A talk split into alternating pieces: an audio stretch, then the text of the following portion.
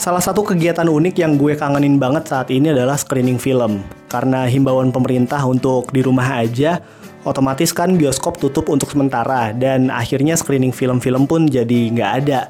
Nah, di masa ini gue jadi keinget kalau banyak dari teman-teman gue dulu yang bilang, ih Adam enak banget nonton film duluan. Terus juga ada yang bilang mau dong dam tiketnya atau ah dasar media dan lain-lain. Well itu bener sih, tapi ada banyak hal dari sekedar nonton film duluan yang bikin kegiatan screening itu jadi berkesan dan semuanya bakal gue bahas sekarang di Cine Talk with me Adam Pratama. Jadi Dam, screening film tuh apa sih? Screening film itu adalah bottom line-nya ya kita nonton film duluan sebelum filmnya rilis di bioskop Indonesia.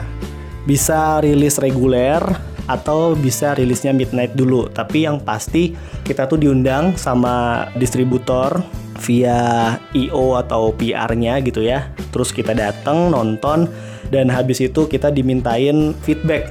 Nah feedbacknya tuh berupa apa?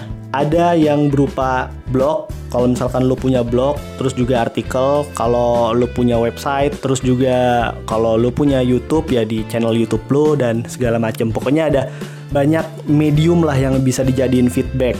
Tapi bottom lainnya adalah kita nonton filmnya tuh duluan. Nah gimana sih caranya dapat screening?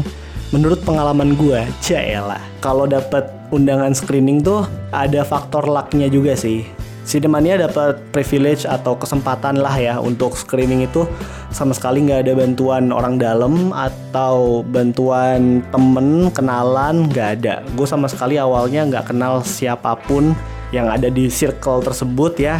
Jadi kita terus nulis, kembangin tulisan kita, make sure kita konsisten ngasilin tulisan-tulisan dan di post selalu di sosial media. Dan akhirnya kesempatan itu datang di tahun 2015 setelah gue ngasih email greeting ke distributor-distributor film yang ada di Indonesia, baik itu yang lokal maupun yang mancanegara, gue mendapatkan screening pertama untuk Cinemania adalah di filmnya Mr. Holmes. Itu dari teman-teman Fit Pictures. Gue masih inget banget itu screeningnya di FX dan di FX itu bukan CGV, itu masih Cinemax ya, masih baru buka kalau nggak salah Cinemaxnya di situ.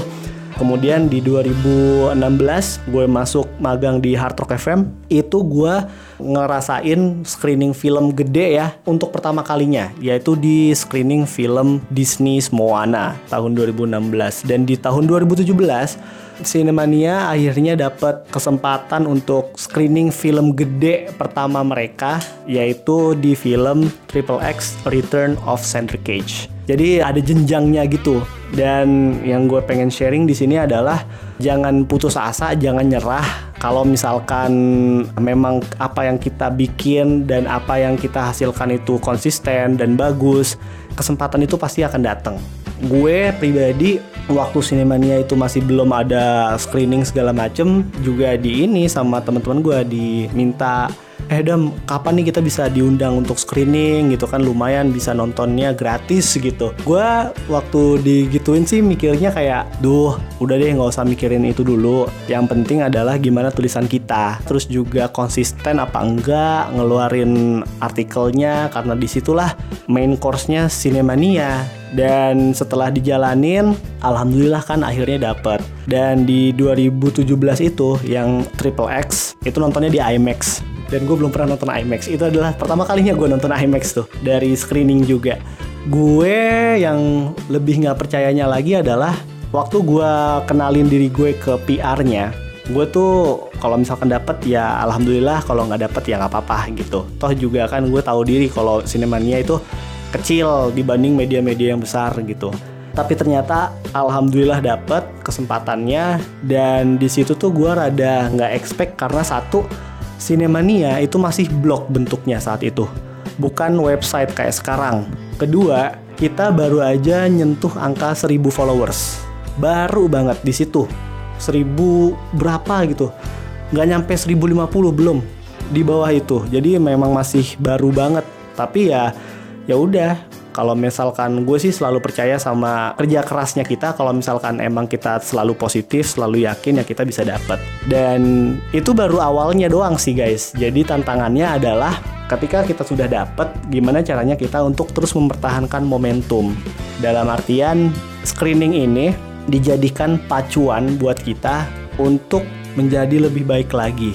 Nah, ini yang akan dibahas sekarang nih di suka dukanya screening karena mau dikata kita nonton film duluan juga pasti akan ada recet-recetnya ya nggak sih? Yang pertama ini soal telat datang. Gimana nggak telat datang? Ini kalau lu dari rumah let's say screening jam 7 malam, lu baru dari rumah jam 6, kelar loh menurut gue.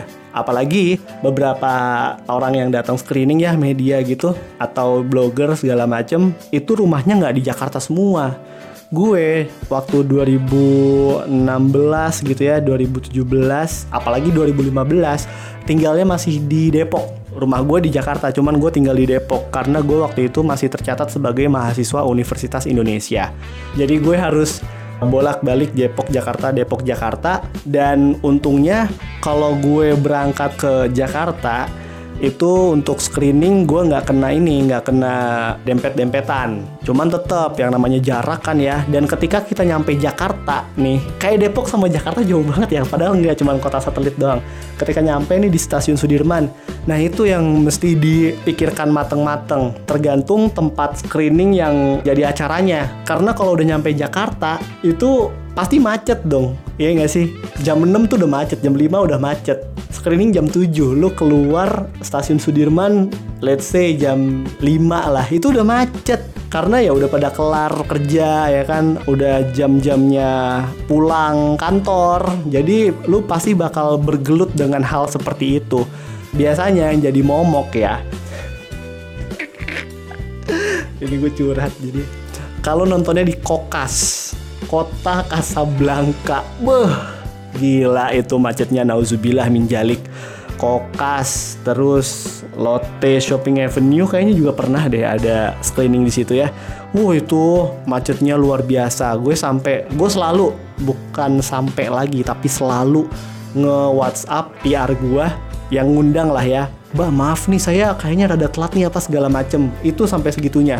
Dan ya kan kemacetan nggak bisa diprediksi. Jadi usahain kalau kita tuh dikasih undangan screening jangan telat. Karena kita tahu jalanan Jakarta itu macetnya nauzubillah luar biasa. Jadi itu yang pertama telat datang. Kalau lu telat datang gimana? Gara-gara macet ya udah nikmatin aja deh lu.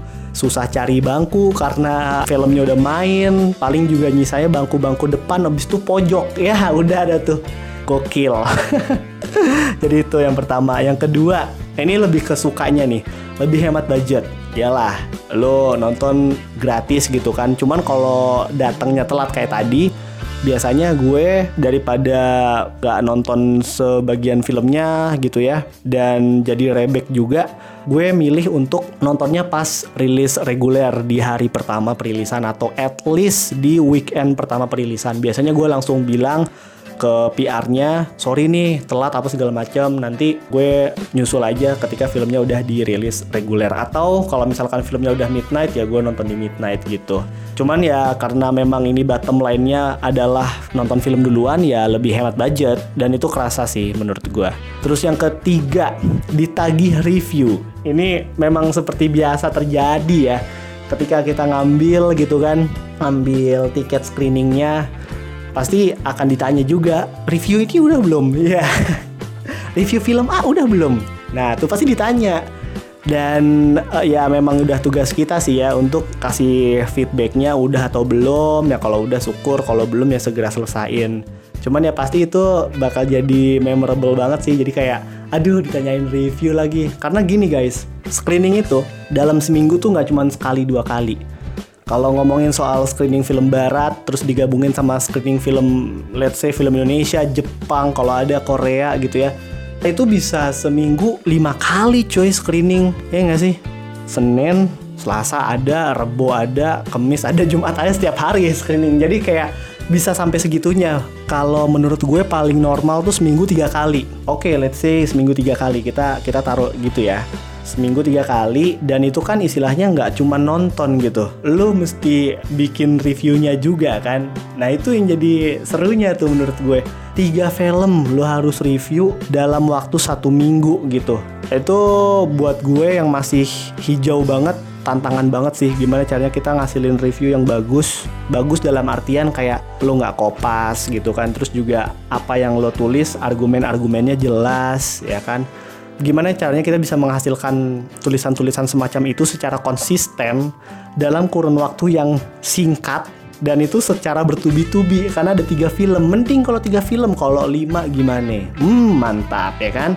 Ini bakal jadi sesuatu yang menantang banget untuk orang-orang yang baru pertama kali terjun ke dunia apa ya dunia screening film seperti ini gitu. Tapi ya udah kalau misalkan udah ditagih gitu lo harus jujur udah selesai atau belum reviewnya. Kalau misalkan belum segera selesain. Karena kalau misalkan nanti numpuk itu buat lo sendiri akan susah. Dan buat distributor filmnya sendiri itu akan jadi pertanyaan. Ini orang serius gak sih untuk nge-review film kita gitu. Jadi yang ketiga itu adalah ditagihin review. Yang berikutnya suka duka screening adalah ngetek ngetek tempat atau minta di tag tempat sama temen. Gue udah pernah ngerasain dua-duanya. Gue gue lebih milih minta di tagin sih daripada ngetek tapi sama-sama nggak enak soalnya gini kalau ngetek ini pengalaman lucu banget sih kalau ngetek itu kita ngetekin tempat buat temen itu bisa sebaris seru karena dulu tuh screeningnya masih free seat ya kan? Jadi uh, first come first serve gitu. Dan first come-nya itu pun bukan first come ketika kita nyampe ke loket eh bukan ke loket ke meja PR-nya gitu. Enggak. Tapi ketika kita masuk ke studionya siapa yang masuk studio pertama kali setelah pintunya dibuka? Nah itu yang first come. First come first serve best seat yoi. Jadi uh, untuk ngetek-tekan tuh untuk mengakali orang-orang yang belum datang nih teman-teman kita yang belum datang kita pakai tas. Misalkan gue bawa tas sama bawa belanjaan misalkan atau lunchbox gitu ya. Nah gue duduk nih di satu kursi kursi sebelahnya gue taruh tas gue buat ngetek tempat temen gue Nah kalau misalkan yang minta tag ada banyak, itu biasanya satu row langsung di tag. Jadi sebelahnya tuh tas, sebelahnya lagi tuh lunchbox, sebelahnya lagi apa? Mungkin dompet lu taruh situ atau HP lu taruh situ atau souvenir atau apa segala macam sehingga satu row tuh keisi gitu. Keisinya bukan nama orang tapi tapi sama barang-barang gitu ada tas ada ini ada itu udah kayak thrift shop aja menurut gue padahal mau nonton gitu kan dan itu kadang-kadang bikin orang yang udah dateng jadi nggak bisa duduk. Tapi mereka juga kalau gue lihat dari raut mukanya sih rada-rada kesel gitu ya. Aduh apaan sih ini orang orangnya belum dateng tapi udah ditekin atau segala macam itu. Nggak enaknya ngetek tempat cuman lucu banget. Dan kalau gue ngetekin orang udah pernah walaupun bukan tipe orang yang jago ngetek tempat ya dan kenapa nggak jago? Karena once gue pernah ngetekin buat temen gue gue taruh tas gue nih sebelah uh, kursi gue. Nah ada orang mau duduk tahu itu kursi ada tasnya. Tas gue diambil ditaruh bawah dong. Itu kan berdua nih orangnya satu cowok satu cewek. Ceweknya bilang itu ada orangnya. Nggak nggak ada. Dia bilang gitu. Jadi kayak waduh gue daripada memancing keributan ya ya udah gue ambil tas gue dengan muka melengos gitu ya ya udah. Jadinya nggak bisa ngetek atau gue tag tempat yang lain gitu. Itu life hacks banget sih waktu ada screening Terus kalau minta di tag tempat itu lebih ke gak enak sih sebenarnya karena kita ngerepotin orang gitu. Misalkan kalau kokas nih, balik lagi kokas. Kalau kokas atau di pokoknya lu masih di jalan, sedangkan screeningnya mulai bentar lagi. Lo biasanya minta tolong temen lo untuk eh ngetek dulu dong tempat gue ya pakai apa gitu kayak. Nah nanti ketika lu dateng semuanya udah pada masuk lo tinggal duduk seperti itu. Biasanya ada kayak gitu. Gue gue pernah ngelakuin itu cuman nggak nggak sering. Dan itu jadi pengalaman yang lucu aja sih. Setiap screening ada kayak begitu buset dah. Luar biasa ajaib ajaib emang yang screening itu. Terus nextnya ada apa nih? Salah mall. Wah. Ah salah mall. Salah mall tuh sering sering. Biasanya yang suka salah adalah antara PI dan PS. itu pas gue screening Moana gue nggak cermat baca invitationnya. Gue datang ke Plaza Indonesia. Ketika gue nyampe gue cek dong tes weh Plaza Senayan pak harusnya tapi gue udah nyampe Plaza Indonesia pas banget pas depan lobby gitu kan. Wah gila. Gue langsung down coy. Langsung down. Apalagi kan itu uh, undangannya bukan untuk Cinemania kan tapi untuk hard rock gitu. Untuk company yang lain gitu kan. Nggak mungkin dong gue bilang mbak nanti saya nontonnya pas udah rilis aja reguler. Kan nggak bisa gitu. Jadi wah gue lihat jam. Jamnya tinggal 30 menit lagi. Filmnya mulai. Ya udah. Dan itu lagi kondisi macet orang lagi pada pulang kantor gitu ya entah ke mana pulang atau mau makan. Pokoknya rame banget jalanan dan akhirnya gue mutusin untuk pakai on ojol dan lewat jalan tikus. Jalan tikusnya pun macet pak. Untungnya waktu gue datang itu udah telat 15 menit tapi filmnya alhamdulillah belum dimulai jadi masih selamat. Cuman itu sering sering terjadi sama teman-teman gue juga Plaza Indonesia dan Plaza Senayan. Kadang kita nggak teliti baca message yang masuk broadcastannya gitu ya.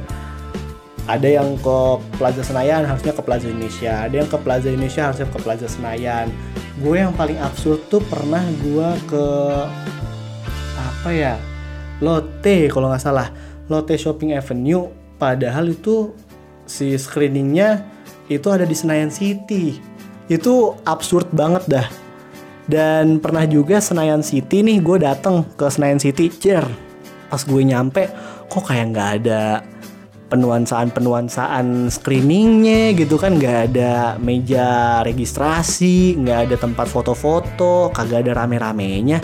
Pas gue cek Astagfirullahalazim Plaza Senayan coy.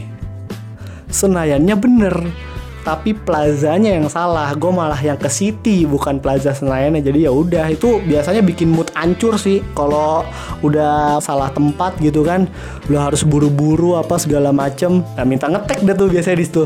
Minta ngetek tempat sama temen. Eh tekin dong gue salah salah mall nih apa segala macem. Cuman kalau misalkan udah mulai kan gak enak juga. Jadi ya ya itulah suka dukanya kalau misalkan soal mall ya salah mall. Terus juga temen gue ada yang pernah salah hari. Dia kira hari ini tuh screening film apa gitu. Ternyata pas datang kok kosong. Oneng emang. Jadi pas dateng tuh nggak ada orang. Dikira dia apa coba? Dikira dia udah telat untung kagak masuk studio ya kalau misalkan udah masuk studio anyep anyep deh tuh. Jadi ya biasanya kan kita dapat broadcast nih kalau screening broadcastan di WhatsApp. Nah kadang kita bacanya ya udah sekelebet aja atau enggak cuman lihat judulnya doang. Oh film ini nih. Oke saya dateng.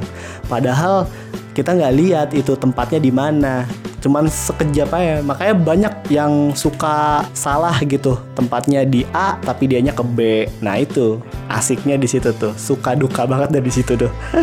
Habis itu ada masuk studio. Wah masuk studio guys. Ini udah kayak masuk ini KRL tau nggak lo? KRL mau ke Bogor atau Bekasi di jam 5 sore. Lu bayangin deh tuh kalau misalkan tergantung ini ya sih tergantung penyelenggaranya sih. Ada juga yang pakai antrian gitu. Cuman dulu ya sebelum negara api menyerang gue jadi ketawa. Gila cuy. Itu yang namanya antri mau masuk nggak ada. Nggak ada antri. Udah random aja deh tuh. Gue masih inget waktu gue nonton Bad Times at El Royal itu di Senayan City nggak ada antrian jadi semuanya bejubel buset. Lu tahu sendiri ya tuh. Kan kalau Senayan City koridornya kan kecil ya. Nggak segede let's say yang gede tuh kokas gitu. Nggak segede itu. Jadi ketika lo masuk itu lorongnya buset udah empat banget dah. Sama yang media sama yang blogger sama yang tamu undangan tuh udah nggak bisa dibedain seragam semuanya dari tuh. Gila itu pas masuk nih pas studionya dibuka pek buh gila lu bener-bener kayak orang mau naik kereta Shinkansen di Jepang. Wah gila itu gue sampai kasihan sama mbak-mbaknya yang jagain pintu. Takutnya apa coba? Takut kedorong serius. Jangankan ini deh jangankan studio biasa. Ketika kita nonton di IMAX itu berjubel juga desek-desekan juga waduh seru amat dah sumpah demi Allah dan kadang-kadang itu tuh bisa dilihat beberapa menit sebelum filmnya dimulai misalkan jam 7 film mulai jam 7 kurang 15 itu orang-orang udah pada ngant udah pada apa di depan-depan pintu gitu. Literally depan pintu ada kali yang bener-bener nungguin depan pintu persis nempel sama pintunya. Jadi pas pintunya dibuka langsung bisa masuk dia. Bayangin itu di IMAX. Aduh, udik betul orang-orang ya. Tapi ya itulah. Karena memang berapa screening kan ada yang free seat, jadi harus cepet biar bisa dapat view atau best seatnya. Ya karena seperti itu kita semua pada ini barbar deh tuh. Serius deh barbar sebarbar barbarnya kalau lu misalkan datang screening tapi udah rapih masuknya wah lu belum berpengalaman cuy lu harus nyobain desek-desekan pas mau masuk ke studio. Nextnya habis masuk studio oh ini yang lebih enak nih. Memang kita diburu waktu ya kan? Memang kita diburu review diburu segala macam masuknya desek-desekan free seat jadi pada ngetek-ngetek tempat jadi kita bingung mau duduk di mana. Tapi yang namanya screening pasti biasanya dapat goodie bag. Apalagi film-filmnya Disney tuh wah baik banget goodie bagnya tuh nggak tanggung-tanggung lagi loh. Black Panther itu dikasih official merchandise-nya kaos. Kaos Wakanda. Kaos Black Panther lah gitu. Belakangnya Black Panther only in cinemas gitu kan. Jadi berasa langka gitu loh. Kita doang yang punya iya gitu. Nggak dijual di tempat lain. Terus selain kaos banyak sih kok goodie bag goodie bag yang gue masih inget oh ini yang kemarin Frozen itu dapat boneka Olaf. Dan itu bagus banget bonekanya serius. Dan nggak kecil bonekanya gede lumayan lah medium lah. Kayak botol minum lah setinggi itu. Wah itu gue langsung kasih cewek gue. Dan memang beberapa screening tuh ada yang ngasih goodie bag. Entah itu isinya Biasanya sih yang paling sering kaos ya Kaos Ada yang ngasih mainan Seingat gue Minions tuh dia ngasih mainan ada yang ngasih itu tadi boneka-boneka gitu pokoknya souvenir-souvenir official merchandise itu biasanya kita dapat juga goodie bag lumayan buat koleksi gitu kan di rumah atau lokasi misalkan ke keponakan lo atau lokasi ke pacar lo itu bisa. Terus next itu ada nonton di row paling depan yoi. Row paling depan itu adalah row paling sakral. Buat nonton film di bioskop. Kenapa? Karena lu dongak. Udah kayak ibadah lu dongak kayak kan? Ibadah midsummer gitu loh. Menghadap ke matahari. Ngomong apa sih gue? Tapi itu ya gue pernah ngalamin nonton di row paling depan gara-gara ya itu. Semuanya udah keisi gue datangnya telat jadi saya tinggal paling depan. Dongak pasti itu dongak dua jam lumayan loh luar biasa. Dan biasanya nih kalau film-film yang di screening di MKG Mall Kelapa Gading tuh gue sama teman-teman gue yang media lain itu di depan juga tuh nontonnya tuh lumayan. Jadi kita nggak apa-apa lah nonton Avengers duluan atau nonton Star Wars duluan nggak apa-apa. Walaupun kita duduknya di apa ya kalau paling depan tuh M ya nggak sih And udah, gue sempat ngeposting tiket nonton Avengers Endgame di Twitter.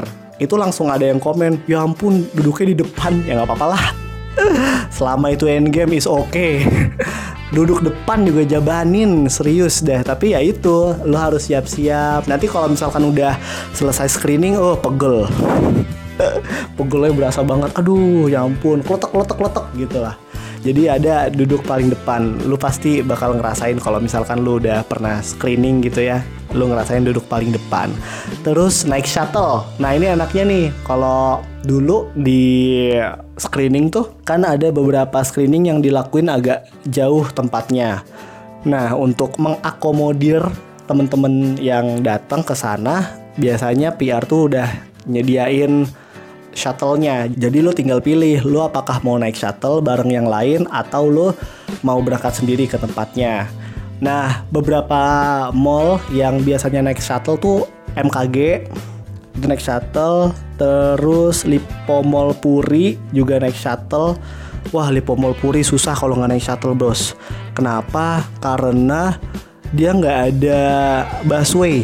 Yang gue tahu dia nggak ada busway, dia nggak ada stasiun juga nggak deket ya kan. Jadi literally harus pakai ojol gitu. Dan aduh, kalau udah ojol kan biasanya lebih mahal ya. Jadi kalau ada shuttle kenapa enggak? MKG dia lebih ke jauhnya sih. Kalau naik kendaraan umum bisa pakai busway. Terus lo turun lanjut ojol nggak terlalu mahal. Tapi jauhnya itu yang bikin PR. Jadi ya kalau misalkan ada shuttle kan lu mungkin bisa sekalian sama yang lain ngobrol-ngobrol nggak capek di jalan karena nggak kerasa gitu perjalanannya. Terus satu lagi MKG Lipo Puri oh ini The Breeze. The Breeze itu agak lucu sih. Jadi kita naik shuttle nih. Di The Breeze itu acaranya adalah opening IMAX-nya The Breeze sama screening film Justice League. Nah sebelum naik shuttle itu kayak karya wisata chillers. Di absen dulu satu-satu kayak media ini. Adam ada Adam ada hadir ya kan? Ya media ini. Siapa? Yovan Yovan hadir. Ya media ini. Juve Juve hadir. Jadi di literally di absen satu-satu karena kan takutnya ada yang belum datang atau ada yang beda orang ternyata. Ketika nyampe ke situ konfirmasinya beda jadi kan itu harus diinformasin semuanya biar lebih valid. Nah kalau ketinggalan shuttle gimana? Alhamdulillah gue belum pernah ngalamin itu ya ketinggalan shuttle. Wah kalau ketinggalan shuttle gue nggak ngerti lagi sih. Mendingan gue ngechat PR-nya terus gue bilang mbak saya nonton reguler aja ya. Daripada gue mesti nyusul ke MKG buset capek. Atau enggak ke Lipo Mall Puri mahal. Ke Debris apalagi udah capek mahal pula. Jadi ya udah itu. Biasanya dikasih shuttle juga. Oh iya ini juga baliknya sih. Balik dari screening itu jangan sampai ketinggalan juga. Kalau misalkan ketinggalan bis wah susah biasanya kita kalau dari MKG itu kan malam. Malam selesai screening ya let's say jam 10 mallnya udah tutup. Lu bayangin kalau mallnya udah tutup terus lu ketinggalan shuttle di MKG rumah lu di Jakarta Selatan. Abis loh. Mending Jakarta Selatan. Gue waktu itu masih di Depok. Kalau misalkan ketinggalan shuttle ya mati aja gue udah jadi gue penghuni mall dulu dalam sehari gitu ya. Habis itu baru besoknya balik ke Depok gitu. Jadi untuk mengakomodir ada yang namanya shuttle. Itu kadang kita pakai shuttle juga. Itu disediain sama yang punya acara. Terus habis naik shuttle suka dukanya itu adalah oh ini invitation. Tidak jarang sebuah screening film itu punya kartu undangan yang unik atau kartu undangan yang bagus lah gitu ini biasanya jadi bahan koleksi sih buat kita yang datang ke screening entah itu media atau blogger gitu ya. Karena bagus untuk dikoleksi bener-bener catchy lah gitu. Nggak cuman kayak uh, tulisan anda diundang apa segala macam enggak biasanya dia uh, ada gambar dari filmnya terus juga ya di dirancang sedemikian rupa deh. Ada beberapa kartu invitation yang gue masih ingat sampai sekarang karena unik. Yang pertama itu kartu invitation dari The Secret Life of Pets sama Abominable. Kenapa? Karena dia pakai pop up pop up invitation. Jadi kalau lu buka undangannya itu ada yang muncul gitu. Kalau Secret Life of Pets kan berarti karakter-karakter hewannya yang muncul. Kalau si Abominable tuh yang muncul si ininya Yetinya lagi say hi gitu kan. Jadi lucu aja menurut gua. Terus yang biasanya memorable juga adalah invitation dari film-film Indonesia. Suka juga gue untuk ngumpulin karena beberapa bentuknya tuh nggak lazim aja gitu, jarang-jarang ada. Yang masih gue ingat adalah undangannya susah sinyal si Ernest. Dia mentang-mentang judulnya susah sinyal bikin undangannya tuh jadi kayak ini kayak tempat perdana atau enggak lo tempat-tempat kartu perdana gitu. Ah itu bagus tuh menurut gue. Unik dan sesuai dengan judul gitu ya. Jadi kita tuh pengen koleksi juga. Terus juga setelah susah sinyal yang gue inget tuh belok kanan Barcelona itu juga bagus undangannya bentuknya tuh kayak paspor gitu ya. Jadi kalau misalkan dibuka itu ada keterangannya ngundang siapa segala macem. Terus juga acaranya acara screening belok kanan Barcelona tempatnya jam berapa diputarnya itu diketik layaknya paspor gitu. Keren sih mulai dari tampilan luar sampai tampilan dalamnya juga diurusin. Jadi banyak sih memang dari screening teman-teman screening yang mengumpulkan atau mengoleksi kartu-kartu invitationnya itu gue sendiri termasuk ngumpulin juga sempet dan waktu itu gue jadiin salah satu pajangan isinya memang invitation dari beberapa screening yang kita datengin gitu. Next kita ke poin berikutnya mengenai suka duka screening adalah screening pagi. gue pas pertama kali tahu ada screening pagi kaget. Kenapa? Karena gue kira screening itu cuma malam doang. Ternyata ada yang pagi, Bo. Screening pagi itu pasti dilaksanainnya di Blok M Square. Pasti. Terus juga kalau untuk jadwalnya paginya itu biasanya jam 9. Udah kayak masuk kuliah ya. Jam 9 cuy jam 9 atau jam 8 gitu gue lupa deh. Pokoknya kisaran jam-jam segitu. Bioskop udah pasti belum buka. Tapi kalau misalkan ada screening pagi udah nggak dikunci lah istilahnya gitu. Cuman memang belum beroperasi. Yang baru masuk yang bisa masuk adalah mereka-mereka yang dapat invitation sama si PR-nya gitu.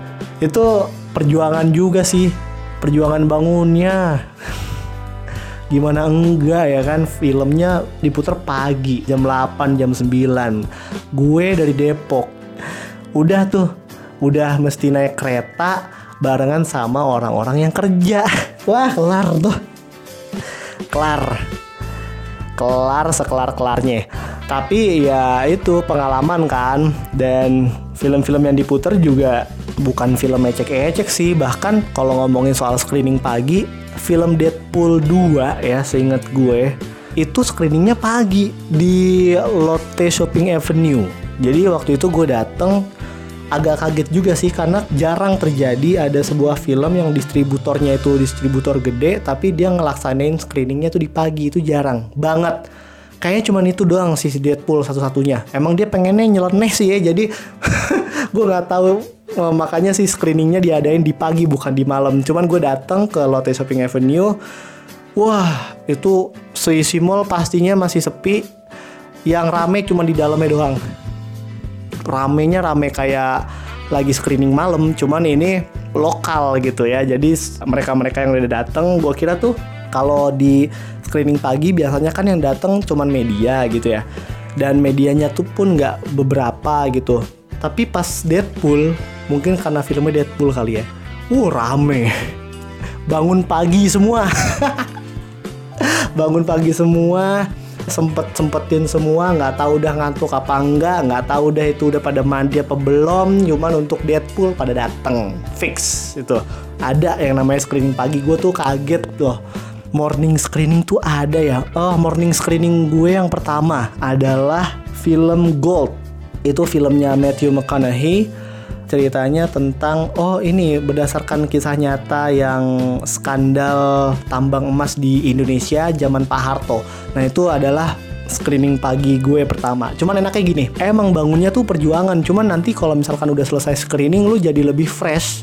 Gak tau ya kalau gue sih ngerasainnya gitu. Mungkin karena kita udah fokus sama film yang disajiin, jadi pas kita keluar itu udah fresh gitu biasanya kalau gue selesai screening pagi tuh langsung cari-cari info ini filmnya soal apa gitu kan. Atau kalau misalkan pengen bikin review entah langsung dikelarin atau dicicil dulu. Nah habis screening pagi tuh gue bisa ngerjain. Jadi lebih cepet kelarnya. Cuman ya itu bangunnya dan juga perjalanan menuju Blok M Square-nya itu yang sangat-sangat sangat-sangat PR Terus habis screening pagi ada kertas testimoni. Ini juga yang unik sih menurut gue dari setiap screening ya karena walaupun kita ngasih feedback entah itu di blog kita atau di website kita atau di YouTube channel kita dan lain sebagainya, kita juga diminta untuk mengisi kertas testimoni yang dikasih sama pihak distributor. Yang biasanya terjadi sama gue kalau buat kertas testimoni adalah satu, gue nggak bawa pulpen. Jadi pas gue mau nulis, itu gue minjem kanan kiri dulu, eh pinjem pulpen dong, eh pinjem pulpen dong nggak tahu malu emang padahal gue mahasiswa ya tapi gue nggak bawa pulpen. Terus yang kedua tulisan gue itu kan istilahnya kita nulis testimoni kan bukan nulis review ya beda gitu. Cuman gue kadang-kadang nulisnya pengen banyak gitu dan akhirnya pas diserahin ke mbaknya piarnya bilang si ibunya ini apa nih yang lu tulis? Lu tulis lagi deh tulis lagi. Ya gue tulis lagi ya kan. Jadi kerja dua kali. Apalagi kan kalau misalkan gue lagi nulis kan istilahnya itu bukan nulis di meja gitu ya lu nulis sambil lu pegang sendiri kadang-kadang juga bolong srek atau ke robek gitu kan. Aduh PR banget dah lah ya. Terus yang ketiga setelah lu nggak bawa pulpen terus tulisan lu nggak jelas yang ketiga adalah kertas screening lu hilang. Kertas testimoni lu. Ketika lu dapetin itu kan lu lipat-lipat biasanya gue lipat-lipat terus masukin ke mana. Nah masukin ke mananya itu gue kadang-kadang lupa. Jadi pas gue udah selesai nonton mana nih kertas keliling gue kan? Gue cek di dompet gak ada ya kan? Di kantong gak ada. Gue lihat ke bawah kursi juga gak ada. Nah, itu fix dah hilang. Itu sering terjadi juga sih. Dan biasanya gue kalau misalkan hilang gue langsung bilang sama PR-nya terus gue langsung kasih testimoninya via WhatsApp. Tuh. Terus ngisi testimoninya via aplikasi ini gue pernah rasain di film-filmnya Warner Bros. Teman-teman WB Pictures ID, mereka bikin kayak aplikasi gitu. Jadi kita tinggal login, terus pilih film yang mau dikasih testimoni itu apa. Terus di situ bisa ngasih bintang, cuman bintangnya tuh nggak bisa yang setengah, misalkan tiga setengah atau dua setengah tuh nggak bisa. Jadi harus tiga atau dua atau empat gitu. Terus tinggal dikasih testimoninya seperti apa. Nah, kalau ngomongin soal testimoni, harusnya ditiru tuh contoh yang kayak gitu. Jadi tinggal pakai aplikasi aja. Daripada kita buang-buang kertas ya kan? Jadi mendingan kita pakai aplikasi. Lebih praktis lebih efisien. Cuman sampai terakhir ini sih gue masih ngelihatnya pakai kertas. Masih pakai cara konvensional gitu ya. Jadi itu lo harus siap untuk ngisi testimoni. Jangan sampai kertas testimoni lu hilang atau lu nggak tahu ngumpulin ke siapa dan akhirnya lu nggak ngumpulin. Itu kocak juga sih. Jadi kayak lu pas mau nonton lu ngabsen nih ada nih Cinemania. Cuman pas udah selesai nonton ini mana feedbacknya? Jadi ntar di, di teror-teror lagi lu via WhatsApp atau apa gitu ya. Jadi jangan sampai lu ngilangin kertas testimoni dan jangan sampai lu lupa ngasih testimoni. Atau biasanya gini nih bukan lupa tapi kita kasihkan ngobrol jadi setelah screeningnya selesai biasanya kan, wih gimana filmnya menurut lu apa segala macam ngobrol tuh sama jurnalis-jurnalis lain. Nah, lu nggak sadar kasihkan ngobrol, tahu-tahu bioskopnya udah sepi.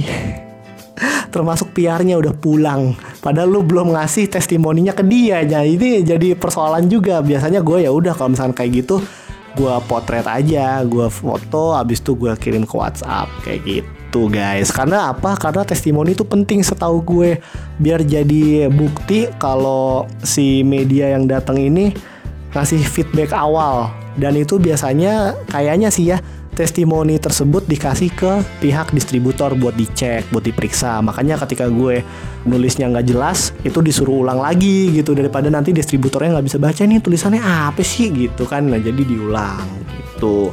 Terus yang terakhir ini adalah bisa makan gratis. Wah, kalau ini sih udah keenakan hakiki ya pasti biasanya di beberapa screening itu ada makan gratisnya. Kalau film Hollywood biasanya yang gede-gede ya filmnya itu dikasih juga voucher popcorn atau voucher hotdog dan juga minumnya gitu. Jadi kalau misalkan lo lagi mahasiswa yang seret duit gitu ya nah itu bisa tertolong tuh dengan voucher-voucher seperti itu. Lumayan gue pernah ngalamin soalnya lagi tanggal tua lagi nggak ada duit gitu kan.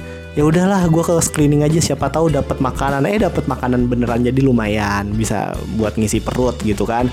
Terus kalau film Indonesia dia beda sih beda lagi. Dia biasanya nggak ngasih voucher popcorn atau voucher hotdog tapi dia ngasih voucher bener-bener voucher makan siang gitu loh di restoran mana terus dia kasih nah ngomongin soal screening film Indonesia biasanya screening film Indonesia itu diselaksanain di epicentrum Terus di situ biasanya kan kita nonton untuk film Indonesia siang setelah sholat zuhur lah ya.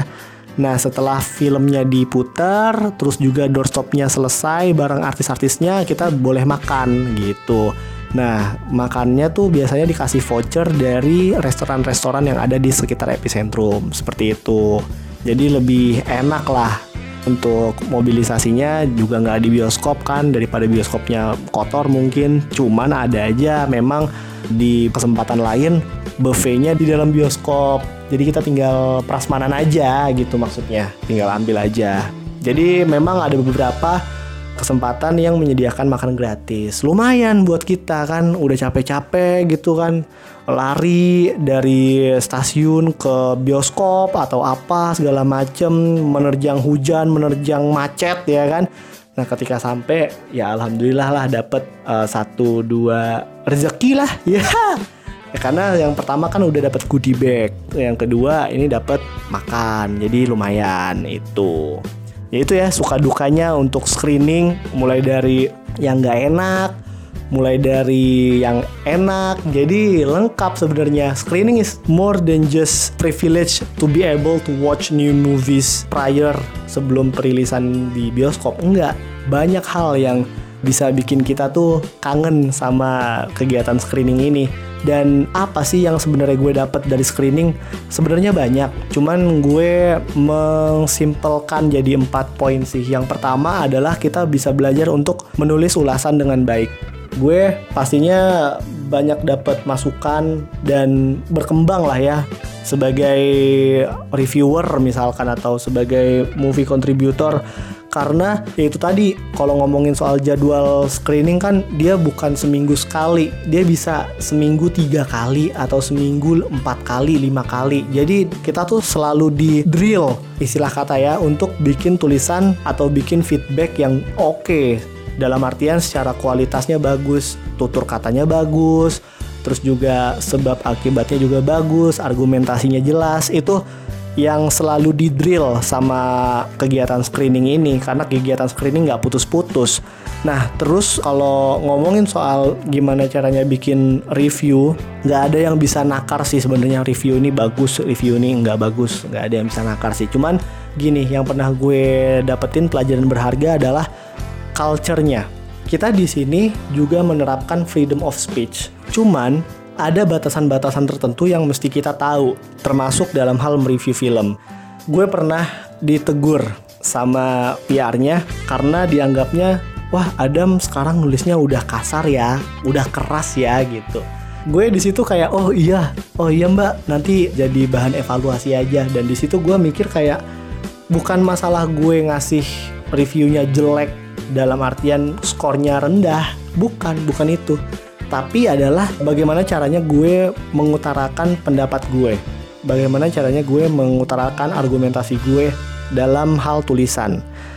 Dengan kata-kata yang baik atau enggak itu. Karena apa? Karena gini kalau menurut gue ya kita punya tanggung jawab moral terhadap orang yang mengkonsumsi review kita. Mau itu yang baca kek mau itu yang nonton kek mau itu yang denger kek itu kita nggak bisa kayak bodoh amat kalau misalkan kayak gitu ya lo sama aja nggak bertanggung jawab. Nah kalau udah kayak begitu berarti kan kita harus menata gitu. Kayak gimana sih bikin argumen tuh yang baik gitu. Nggak sekonyong-konyong kita bilang filmnya sampah atau filmnya not worth it. Ada juga yang sempat bilang simpan aja duit lo untuk film yang seperti ini. Nggak. Menurut gue hal-hal yang kayak gitu patutnya dihindari gitu. Bukannya salah sih tapi kurang sesuai aja dengan culture kita yang ada di Indonesia. Jadi lebih ke redaksionalnya bukan ke lo mau ngasih skornya 4 ke mau ngasih skornya 3 juga menurut gue tuh distributor mah terima-terima aja. Cuman gimana redaksinya? gimana argumentasinya itu yang jadi pertanggungjawaban. Terus yang berikutnya adalah kita bisa belajar untuk memahami tugas seorang PR di dunia film.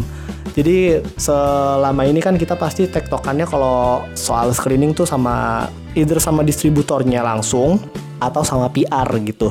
Nah dari situ kita bisa belajar. Oh ternyata tuh tanggung jawabnya tuh begini. Dia tuh harus ngundang media-medianya yang seperti ini atau berapa media yang dia undang. Terus juga nanti flow-nya gimana ketika media-media itu udah dateng gimana cara ngeceknya kalau ini media yang bener atau enggak ya kan? Terus gimana caranya nanti kalau misalkan kita udah selesai nonton filmnya kayak tadi yang gue bilang kan sama lo testimoni itu harus dikumpulin terus juga mungkin nanti dikasih ke distributor. Yang gue tahu juga mereka ngebantuin distributor juga untuk ngecek apakah media yang udah datang screening kemarin itu udah bikin reviewnya atau belum. Kalau misalkan udah bikin reviewnya, gimana reviewnya? Apakah ada redaksi-redaksi yang ngaco gitu kan? Dalam artian terlalu kasar atau apa segala macem.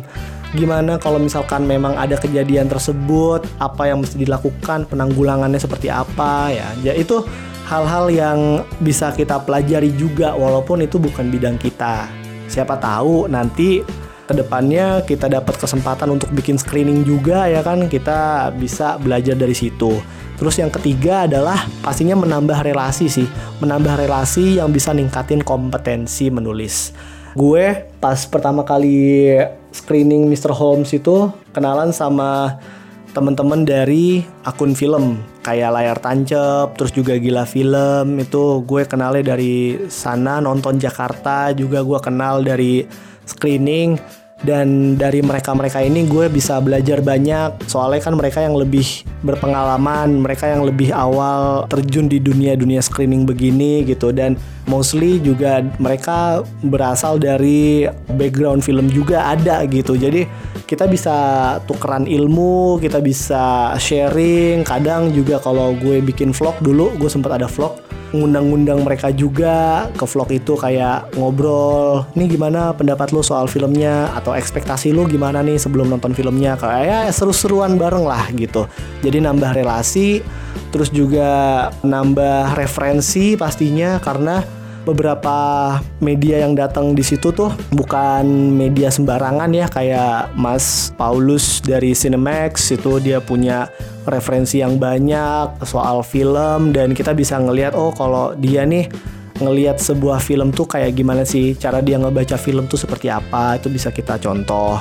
Terus juga si kolaborator gue dari Melali Juventus Wisnu dia tuh punya library yang sangat luas ya mengenai film-film. Kadang-kadang kalau gue udah selesai nonton nih, terus gue pengen bertukar pendapat lah istilahnya itu gue sama Juve karena dia bisa ngaitin ke referensi-referensi film yang lain yang sebelum-sebelumnya udah pernah rilis. Ya kayak gitu. Jadi banyak opportunity-opportunity yang bisa kita buka setelah kita nonton di screening dan juga ngobrol. Jadi lu jangan kayak anak kuliahan yang kupu-kupu lah jadi lu dateng ke screening, jangan habis itu tiba-tiba pulang. Enggak lah. Ada kalanya kita nongkrong dulu sama yang lain gitu kan, ngobrol-ngobrol sama yang lain. Gimana caranya mereka ngeliat dan ngebaca film, gimana keluh kesahnya mereka sebagai screening film gitu kan. Karena ya tadi balik lagi di awal gue bilang nggak semuanya dari kita yang screening itu memang bener-bener orang media, nggak semuanya ada yang kerja di tempat lain cuman dia punya akun film ada yang kerja di tempat lain cuman dia punya blog atau punya YouTube nah itu hal yang seperti itu memperkaya pengetahuan kita juga Terus yang berikutnya, yang terakhir adalah melatih dedikasi. Gue gak pernah dari awal itu menargetkan, wah gue harus dapat screening. Gak pernah sama sekali gue aja tadi udah bilang kalau ini lebih kayak keberuntungan ada faktor luck yang gede banget di situ dan itu selalu gue jadikan semangat pemicu gue untuk lebih baik lagi, untuk lebih baik lagi dan lebih baik lagi. Kenapa? Karena kalau ngomongin screening itu istilahnya udah kerjasama, kepercayaan antara orang yang memberikan akses dan orang yang menerima akses. Nah, gimana caranya kita untuk bisa memaintain hal itu? Nah, itu yang namanya dedikasi menurut gue.